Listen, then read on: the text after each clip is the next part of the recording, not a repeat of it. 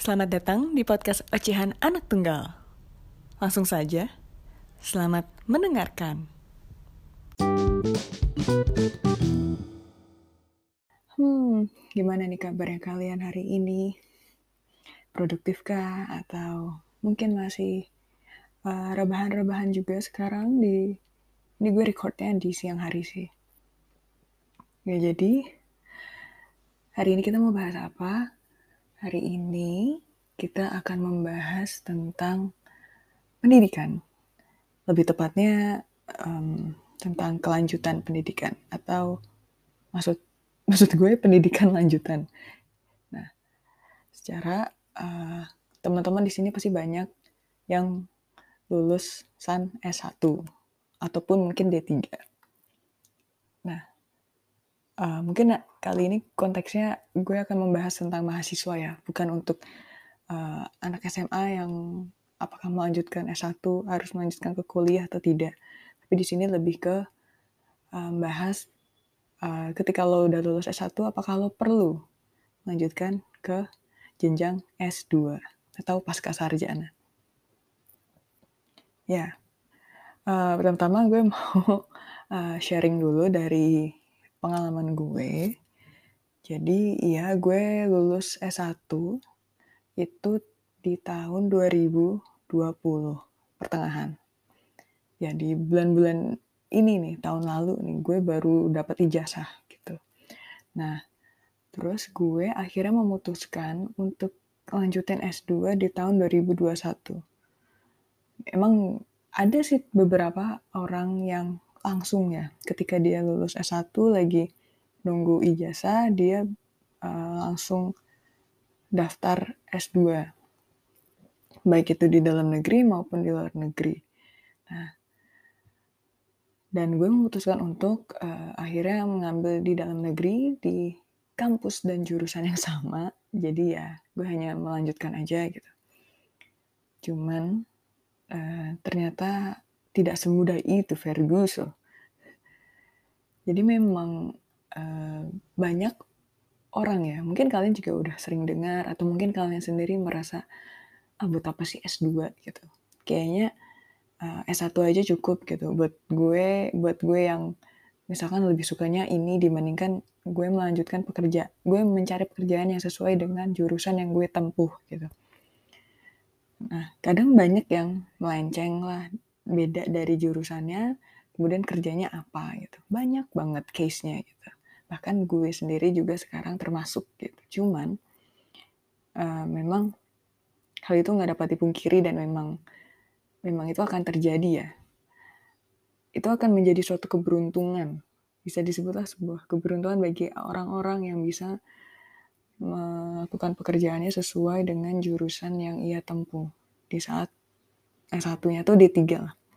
Mungkin juga untuk bagian anak ya, lulusan D3 ya, vokasi gitu. Mungkin akan berpikir ulang, aku harus lanjut S1 nggak sih? Aku harus ekstensi nggak sih? Pasti kalian mikir kan? Dan biasanya vokasi itu memang lebih ke praktikal, sedangkan kalau S1 itu lebih ke teori. Bener-bener yang dari dasar ilmu banget gitu loh. Basic lah. Sedangkan kalau vokasi kan, kalau yang gue tahu ya, itu benar langsung praktikal. Kalau S1 itu praktikalnya lebih ke riset. Lebih ke riset seperti itu. Nah, terus buat apa S2? Ya kan, pasti kalian bertanya, buat apa sih S2? Oke, okay. yang pertama memang S2 itu, yang dikejar itu memang kalau orang pragmatis, ya yang dikejar adalah gelar. Ada magister, master of, ada MM, ada embel-embel M-nya di belakang. MSI atau MA, Master of Arts gitu kan, atau M, MSC.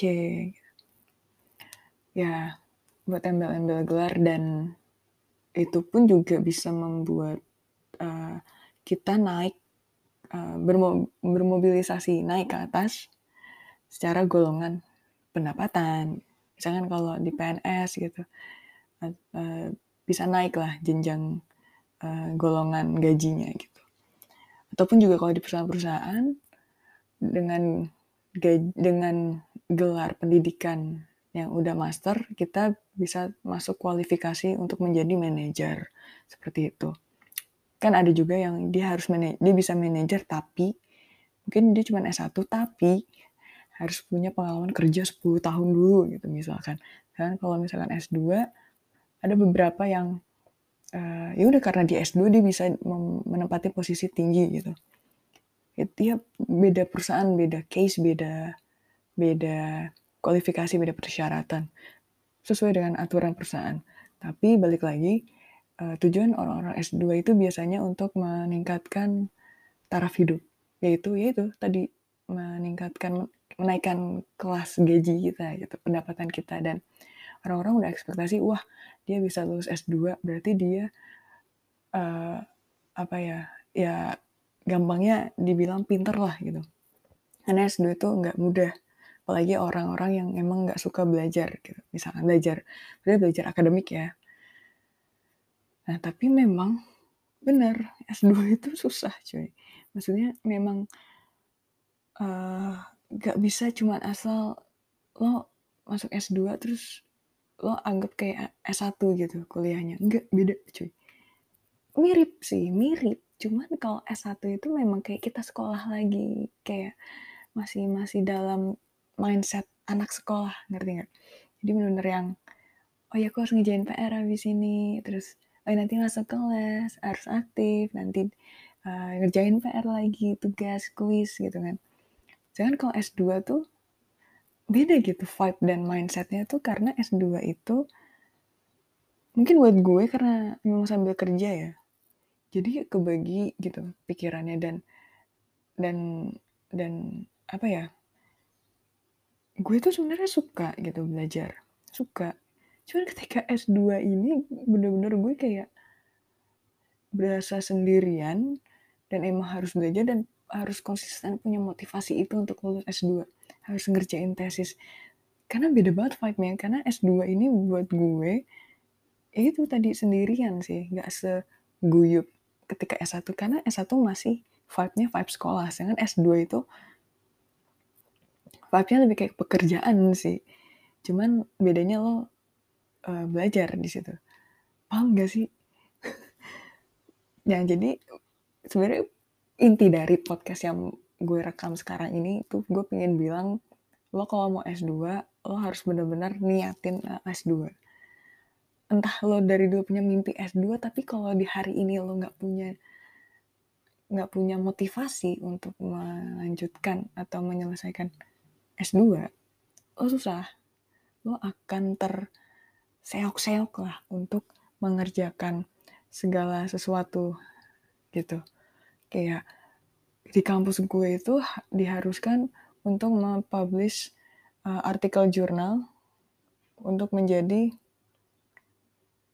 untuk menjadi apa eh, kok untuk menjadi untuk bisa uh, mengikuti sidang tesis. Sedangkan proposal tesis sendiri pun juga susah gitu. Ya lo gimana sih lo ngerjain proposal skripsi aja? Kayak apaan tahu kan? Uh, gimana tesis. Misalnya bener-bener lo di, udah diekspektasi ah lo kan udah pernah S1 lo harusnya bisa dong uh, tahu metode penelitiannya lah. Terus lo tahu cara uh, apa namanya uh, nulis referensi uh, tinjauan pustaka gitu. Lo gali lo gali lo banyak baca lo udah biasa kan harusnya udah bisa gitu. Tapi apa? Bahkan gue di jurusan yang sama di kampus yang sama dengan dosen yang sama gue masih kayak anjir gue pakai metode penelitian apa ya? Oke gue kuali gitu. Tapi apa benar nih gue pakai kualitatif? Terus metodenya yang mana ya? Terus gue pakai teori apa? Gue tuh bener yang gue bener yang apa ya kayak jadi kayak anak baru lagi gitu di jurusan itu. Padahal gue sebenarnya kudusnya udah dibilang hatam gitu. Dan effortnya lagi adalah ketika lo tidak melanjutkan skripsi lo menjadi tesis. Beda lagi tesisnya. Itu yang susah. Sebenarnya harusnya lanjutin aja skripsi. Tapi karena S2 ini beda sama S1 yang di mana S1 itu vibe masih vibe sekolah, lo masih bebas, lo masih enggak. Mungkin ada beberapa orang atau mungkin ada beberapa dari kalian yang memang S1-nya juga sambil kerja karena harus misalkan kalian nggak dapat beasiswa gitu atau kalian merantau jadi harus sambil kerja oke okay, I don't feel that I didn't feel that I'm sorry but uh, buat kita kita yang memang S1-nya tuh fokus sekolah dan S2 baru ngerasain uh, kuliah sambil kerja uh, susah banget man kayak I feel you gitu bagi kalian yang dulunya S1 sambil kerja ya. Ternyata susah itu gitu. Nah bedanya adalah S2 ini lebih kita kerja itu kita punya gelar S1 kan. Jadi ya kayak pekerjaan-pekerjaan orang-orang kerja lah. Maksudnya bukan magang bukan yang oh cuman buat uh, cuman biar bisa hidup saat kuliah. Enggak tapi kan kita kerja sekarang emang buat berkelanjutan terus untuk hidup kita nanti ke depan gitu kan. Untuk karir gitu. Beda. Nah jadi uh, banyak anak-anak S2 termasuk gue yang ngambil topik tesisnya itu yang memang nggak jauh-jauh dari pekerjaan mereka. Karena datanya lebih mudah diambil misalkan aksesnya izinnya lebih mudah gitu. Cuman kayak misalkan tinggal minta tolong atasan gitu atau minta izin atasan atau uh, misalkan gue di anak perusahaan gue mau ngambil data induk perusahaan gue ada aksesnya gitu. Gue dikasih akses gitu.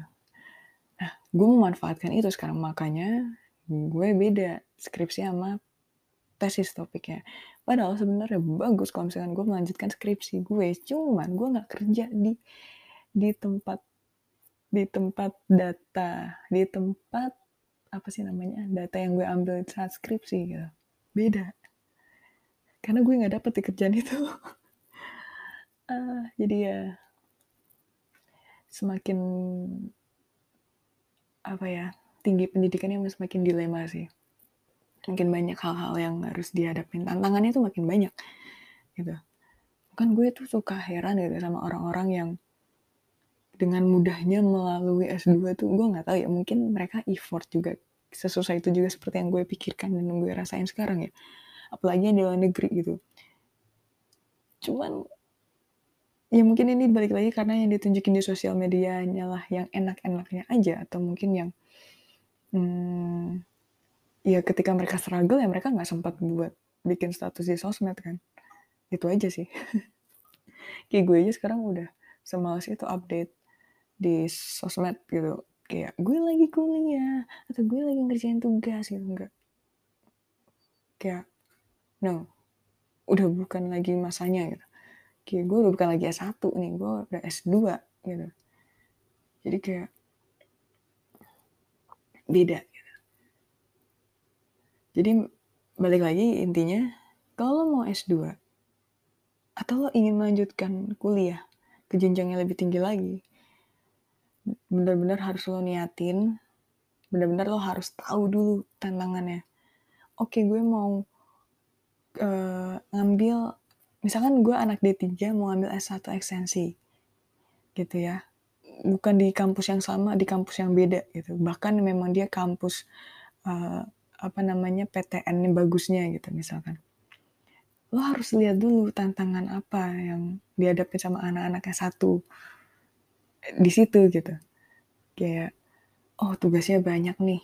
Oh bener kayak sekolah ya gitu. Waduh bisa nggak ya gue sambil kerja yang gue emban sekarang? gitu. Apa gue harus magang dulu aja sekarang? Kayak gitu kan. Terus bener yang uh, apa ya emang harus dig down dig deeper dulu ke tempat yang lo tuju itu. Mumpung bisa kelihatan sekarang. Beda sama zaman dulu yang ya cuma bisa nanya senior. Kalau sekarang tuh kayak banyak publikasi gitu. Akun-akun universitas gitu. Oh ngerjain oh ngapain gini gini gini. Atau bahkan kampus gue jurusan gue itu dosen-dosennya tuh rajin pada bikin video presentasi di upload di YouTube gitu. Kayak oh ini materinya gitu. Kayak kadang sampai mikir gue nggak usah kuliah di jurusan ini gitu. buang misalnya anggaplah buang-buang duit gitu. gue bisa nonton aja di YouTube dengan gratis cuman butuh kuota dan niat belajar gue gitu. Ya mungkin akhirnya nggak ada akses buat ke perpusnya gitu kan misalkan. Buat akses ke jurnal yang diberikan oleh kampus gitu. Itu itu itu privilege yang dimiliki uh, kalau kita memang masuk ke lembaga universitasnya gitu. Cuman kalau kita cuma sekedar pengen tahu ilmu gitu. Banyak di YouTube, banyak sekarang bertebaran di mana-mana gitu. Bahkan kursus-kursus uh, online gitu, bootcamp gitu. Ya udah banyak banget sekarang beda banget sama zaman gue masih kuliah tuh kayak udah sedrastis itu bahkan bahkan kayak baru beberapa tahun aja tuh kayak udah sedrastis itu ditem, ditambah lagi adanya covid. Itu yang bener-bener orang-orang tuh kayak bermunculan ide banyak banget terus kayak uh inovasinya banyak. Terus jadi kayak membuat dunia itu bener uh, berubah gitu secara drastis. Dan kasihan sama orang-orang yang tidak bisa mengikuti itu gitu. Itu. Jadi ya balik lagi ke inti gue. Kalau lo mau melanjutkan pendidikan yang lebih tinggi pikir-pikir lagi. Bener-bener lo niatin. Oke pertama motivasi mimpi. Oke gue punya mimpi dari kecil gitu. Itu gue. Gue punya mimpi gue harus bisa setara pendidikannya sama orang tua gue gitu. Kalau bisa lebih. Tapi kayaknya gue nggak bisa kalau lebih. Minimal setara aja gitu kan. Oke itu gue mungkin kalian enggak maksudnya maksudnya kalian nggak mau kayak orang tua kalian. Ah orang tua gue dokter dua-duanya gue nggak mau. Gue dokter gue mau nyeni gitu misalkan. Atau gue maunya jadi arsitek gitu. Kayak oh ya udah nggak apa-apa gitu.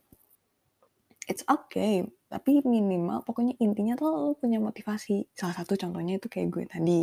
Kalau gue tuh itu mimpinya gitu bukan menyetarakan posisi gue dengan orang tua tapi lebih ke kayak uh, masa gue nggak bisa sih kayak orang tua gue? Ada yang nggak mau kayak orang tuanya ada yang mau kayak orang tuanya gitu. Beda case banyak banget case di dunia ini oke? Okay? terus uh, ada lagi yang memang ada lagi yang memang uh, pengen S2 di luar negeri gitu. Kayak oke okay, S1 gue di dalam negeri gitu. Tapi S2 gue harus di luar negeri kayak gitu. Karena lebih misalkan lebih memang bergengsi atau emang gue pengen ke luar negeri gitu. Lebih lebih gue udah tahu rintangan anak kuliah kayak apa dan gue harus level up my skill gitu atau level up level up uh, pengalaman lah. Jadi lo ke luar negeri gitu misalnya S2 gue cukup S2 di dalam negeri gitu. Oke, gue cuma mau dapat gelar. Itu pun juga motivasi mendapatkan gelar MSI biar bisa kom, uh, naik gaji gitu misalkan. Bisa gitu. Asalkan lo ada motivasi. Kalau misalkan pun, kalau misalkan ternyata ah gue S1 aja bisa aku jadi manajer.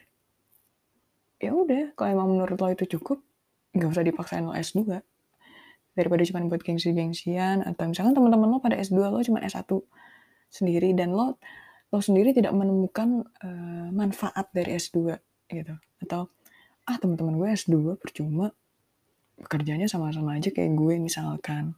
Itu case di case hidup lo gitu. It's okay gitu. Gak apa-apa nggak S2 gitu. It's really okay. Dan dan memang ada juga yang tadinya apa yang S2 gitu akhirnya melanjutkan ke S3 bahkan gue sampai mikir sekarang buat apa ya S3 ya? Kayak kecuali lo memang mau jadi profesor mau jadi guru besar terus lo lo duduk di depan mahasiswa-mahasiswa dengan toga profesor guru besar itu kan be, duduk di jajaran rektor gitu. Atau lo mau jadi rektor universitas itu itu motivasi untuk jadi uh, untuk lanjutin ke S3 itu motivasi. Tapi gue nggak ada motivasi ngapain gue jadi rektor? Ngapain gue maksudnya ujung-ujungnya ngajar gitu. Gue nggak gue nggak passion kan ngajar. Ya udah ngapain gue bela-belain S3 gitu. Gue cukup S2 dengan pekerjaan yang so-so lah. Terus tapi gaji gue juga nggak terlalu rendah gitu. bisa buat gue uh, menghidupi standar hidup gue gitu ya udah gitu. Cukup gue S2 misalkan. Nah sekarang gue mau pengen beralih. Ketika lo menjalani uh, pendidikan tersebut misalkan gue lagi S2 nih kan sekarang. Udah di tengah-tengah nih gue udah udah mau masuk semester 3 nih gue. Minggu depan gue udah mulai nih kuliah lagi semester 3 terus lo demot banget lo demotivasi banget dan lo merasa kayak apa kehilangan purpose lo gitu. Kayak lo lah kok gue S2 ya? Ngapain ya gue S2 ya? Atau semales itu lo buat ngelanjutin tesis gitu. Ngelanjutin proposal tesis aja proposal aja baru proposal. Buat apa ya? Gitu. Duh harus gimana harus ngapain ya? Gitu. Kayak bener gak ada motivasi gak ada pendorong gitu. Ada satu hal yang gue inget gitu ketika gue lagi males banget. Sebenarnya gue sampai sekarang masih males gitu. Jujur aja nih gue sampai sekarang masih males. Tapi satu hal yang gue apa tanamkan gitu ya yang gue ingat gitu gue tuh udah sampai sejauh ini gitu. buat gue ini jauh ya.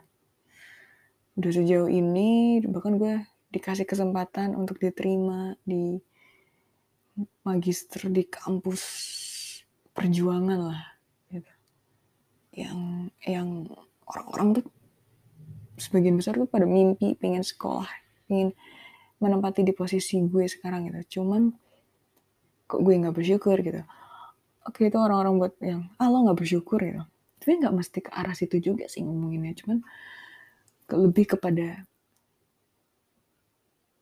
walaupun lo misalkan emang ternyata nggak suka sama jurusan lo lo nggak suka sama uh, apa ya kayak merasa kejebak gitu dalam jurusan lo. Harusnya lo nggak di situ. You're not belong there gitu. Tapi minimal lo tuh udah dikasih kesempatan gitu buat dapetin magister. Lo dikasih kesempatan buat bisa jadi anak master. Itu udah udah kesempatan langka gitu. Bahkan di kamp dengan alma mater yang bagus gitu misalnya. Kayak jangan disia-siain gitu. Mungkin lo nggak mungkin mungkin gue nggak terlalu bersyukur ya kelihatannya gitu. Cuma minimal gue tuh jangan sampai sia-siain kesempatan itu aja. Gue tuh kadang udah sampai kepikiran pengen drop out gitu. Tapi ketika gue nyepingin drop out kayak di belakang gue tuh banyak orang yang ngantri pengen ada di posisi gue di saat itu gitu kayak bukan gue ngepingin kalah atau gue yang udah paling depan gitu. Tapi maksudnya intinya tuh jangan sia-siain kesempatan yang ada sekarang gitu loh. Kayak lo udah dapet kesempatan itu ya udah jalanin aja gitu. Terlalu jalanin aja mau lo nanti lulusnya nggak tepat waktu misalkan nggak nggak empat tahun gitu. Eh nggak empat tahun nggak dua tahun gitu gue intinya nggak nggak nggak lulus tepat waktu gitu nggak kayak teman-teman lo gitu. Atau mungkin teman-teman lo juga banyak yang nggak nggak lulus tepat waktu gitu. Tapi intinya kalau udah dapet kesempatan tuh ya jangan disia-siain aja gitu. Itu aja sih intinya. Maksudnya mungkin lo nggak akan ngoyo untuk dapetin cum laude atau dapat impresi yang bagus dari dosen gitu. Tapi minimal lo selesaiin apa yang udah lo lakuin gitu. Yang udah lo ambil selesaiin gitu. Responsible with that. Kayak tanggung jawab aja sama apa yang udah lo pilih. Itu sih. Itu sih. Mungkin ketika orang ngomong ke gue ah lo nggak bersyukur banget sih? Gue akan marah sih. Gue bersyukur cer gue selalu bersyukur cuman gue ngomong gue ngeluh itu bukan karena gue nggak bersyukur.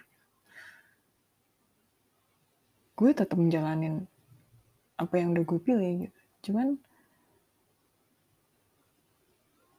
emang berat. So biarkan gue merasakan berat beban itu dan gue mereliefnya itu dengan gue ngeluh dikit. Tapi kan gue tetap jalan. Gue nggak berhenti gue nggak mundur. Intinya itu kan gue nggak mundur. Gue tetap mungkin gue seakan-akan kayak jalan di tempat ya. Cuma minimal gue gerak gitu ya. Minimal gue gerak. Gue gerak jalan pelan-pelan gitu. Seakan-akan kayak jalan di tempat padahal gue jalan pelan-pelan. It's okay gitu. It's really okay. Benar-benar hidup itu bukan untuk berlomba kalah menang. Kom kompetitif iya cuman pada akhirnya tuh ya kalau misalnya ngomongin soal hidup ya hidup bukan soal kalah menang kompetitif itu hanya untuk sebagai motivasi. Buat lo tetap terus jalan. Tapi bukan berarti ketika kita misalnya udah menang kita sombong atau ketika kita kalah kita se se senyerah itu. Gitu. karena hidup orang itu beda-beda. Literally beda-beda. Misalkan gue sama lo nih sama ya ceritanya sama. Mungkin case-nya dalam soal dunia pendidikan tuh sama. Beban yang dirasain tuh sama gitu. Terus mungkin beban masalah hidup yang lain tuh mungkin mirip-mirip gitu. Cuman kan tetap ngomongnya mirip bukan sama persis. Karena kalau sama persis berarti lo duplikat gue dong. Berarti lo apa namanya apa namanya kalau di film namanya depannya J. Aduh kok gue lupa ya. Pokoknya di multiverse itu kayak multiverse aja kayak. Bahkan multiverse aja hidupnya hidupnya tuh beda. Ngerti gak sih? Bahkan multiverse aja tuh beda. Jadi kayak se se secuil itu pasti ada perbedaan. Walaupun hanya secuil pasti tetap beda jadi jangan khawatir gitu. Kalau misalkan lo udah terlanjur misalkan melanjutkan pendidikan dan lo kayak nyesel gitu lo ingat lagi tapi gue udah kasih kesempatan nih. Oke okay, gue kasih kesempatan. Maybe I'm sorry kalau misalkan gue lama gue lemot gue kadang suka demot gue lebih sering demot dibandingkan termotivasi tapi minimal gue stay tidak mundur tapi kalaupun misalkan lo mundur dan itu menurut lo pilihan yang tepat lo harus gerak di tempat yang lain. Jangan diem. Intinya jangan diem. Gitu. Dan balik lagi, intinya, kalau lo ingin melanjutkan pendidikan ke jenjang yang lebih tinggi, uh, kalau SMA ke perguruan tinggi itu buat gue wajib sih. Cuman kalau lo udah lulus D3 atau lulus S1 terus melanjutkan pendidikan jenjang lebih tinggi atau S2 mau ke S3 gitu pikir-pikir lagi. Pikir matang-matang jangan sampai lo ketika lo udah pilih udah lo jalanin lo akhirnya mundur lagi. Itu seakan-akan kayak kayak apa ya ya lo tidak memanfaatkan kesempatan yang udah diberikan ke lo gitu. Tapi kalaupun emang mundur, pada akhirnya lo mundur, ya udah itu jalan hidup lo, itu pilihan lo, dan itu menurut lo adalah pilihan yang terbaik, jalanin. Terus jalanin, cari di cari terus di tempat mana yang emang uh, yang memang tepat buat lo, yang where you are belong to gitu. Oke. Okay. So, itu aja. Ini pun juga gue podcast kayak gini buat memotivasi diri gue sendiri. Biar gue terus tetap mau menjalani pendidikan gue. Dan hidup gue tentunya. So, semangat terus buat kita semua.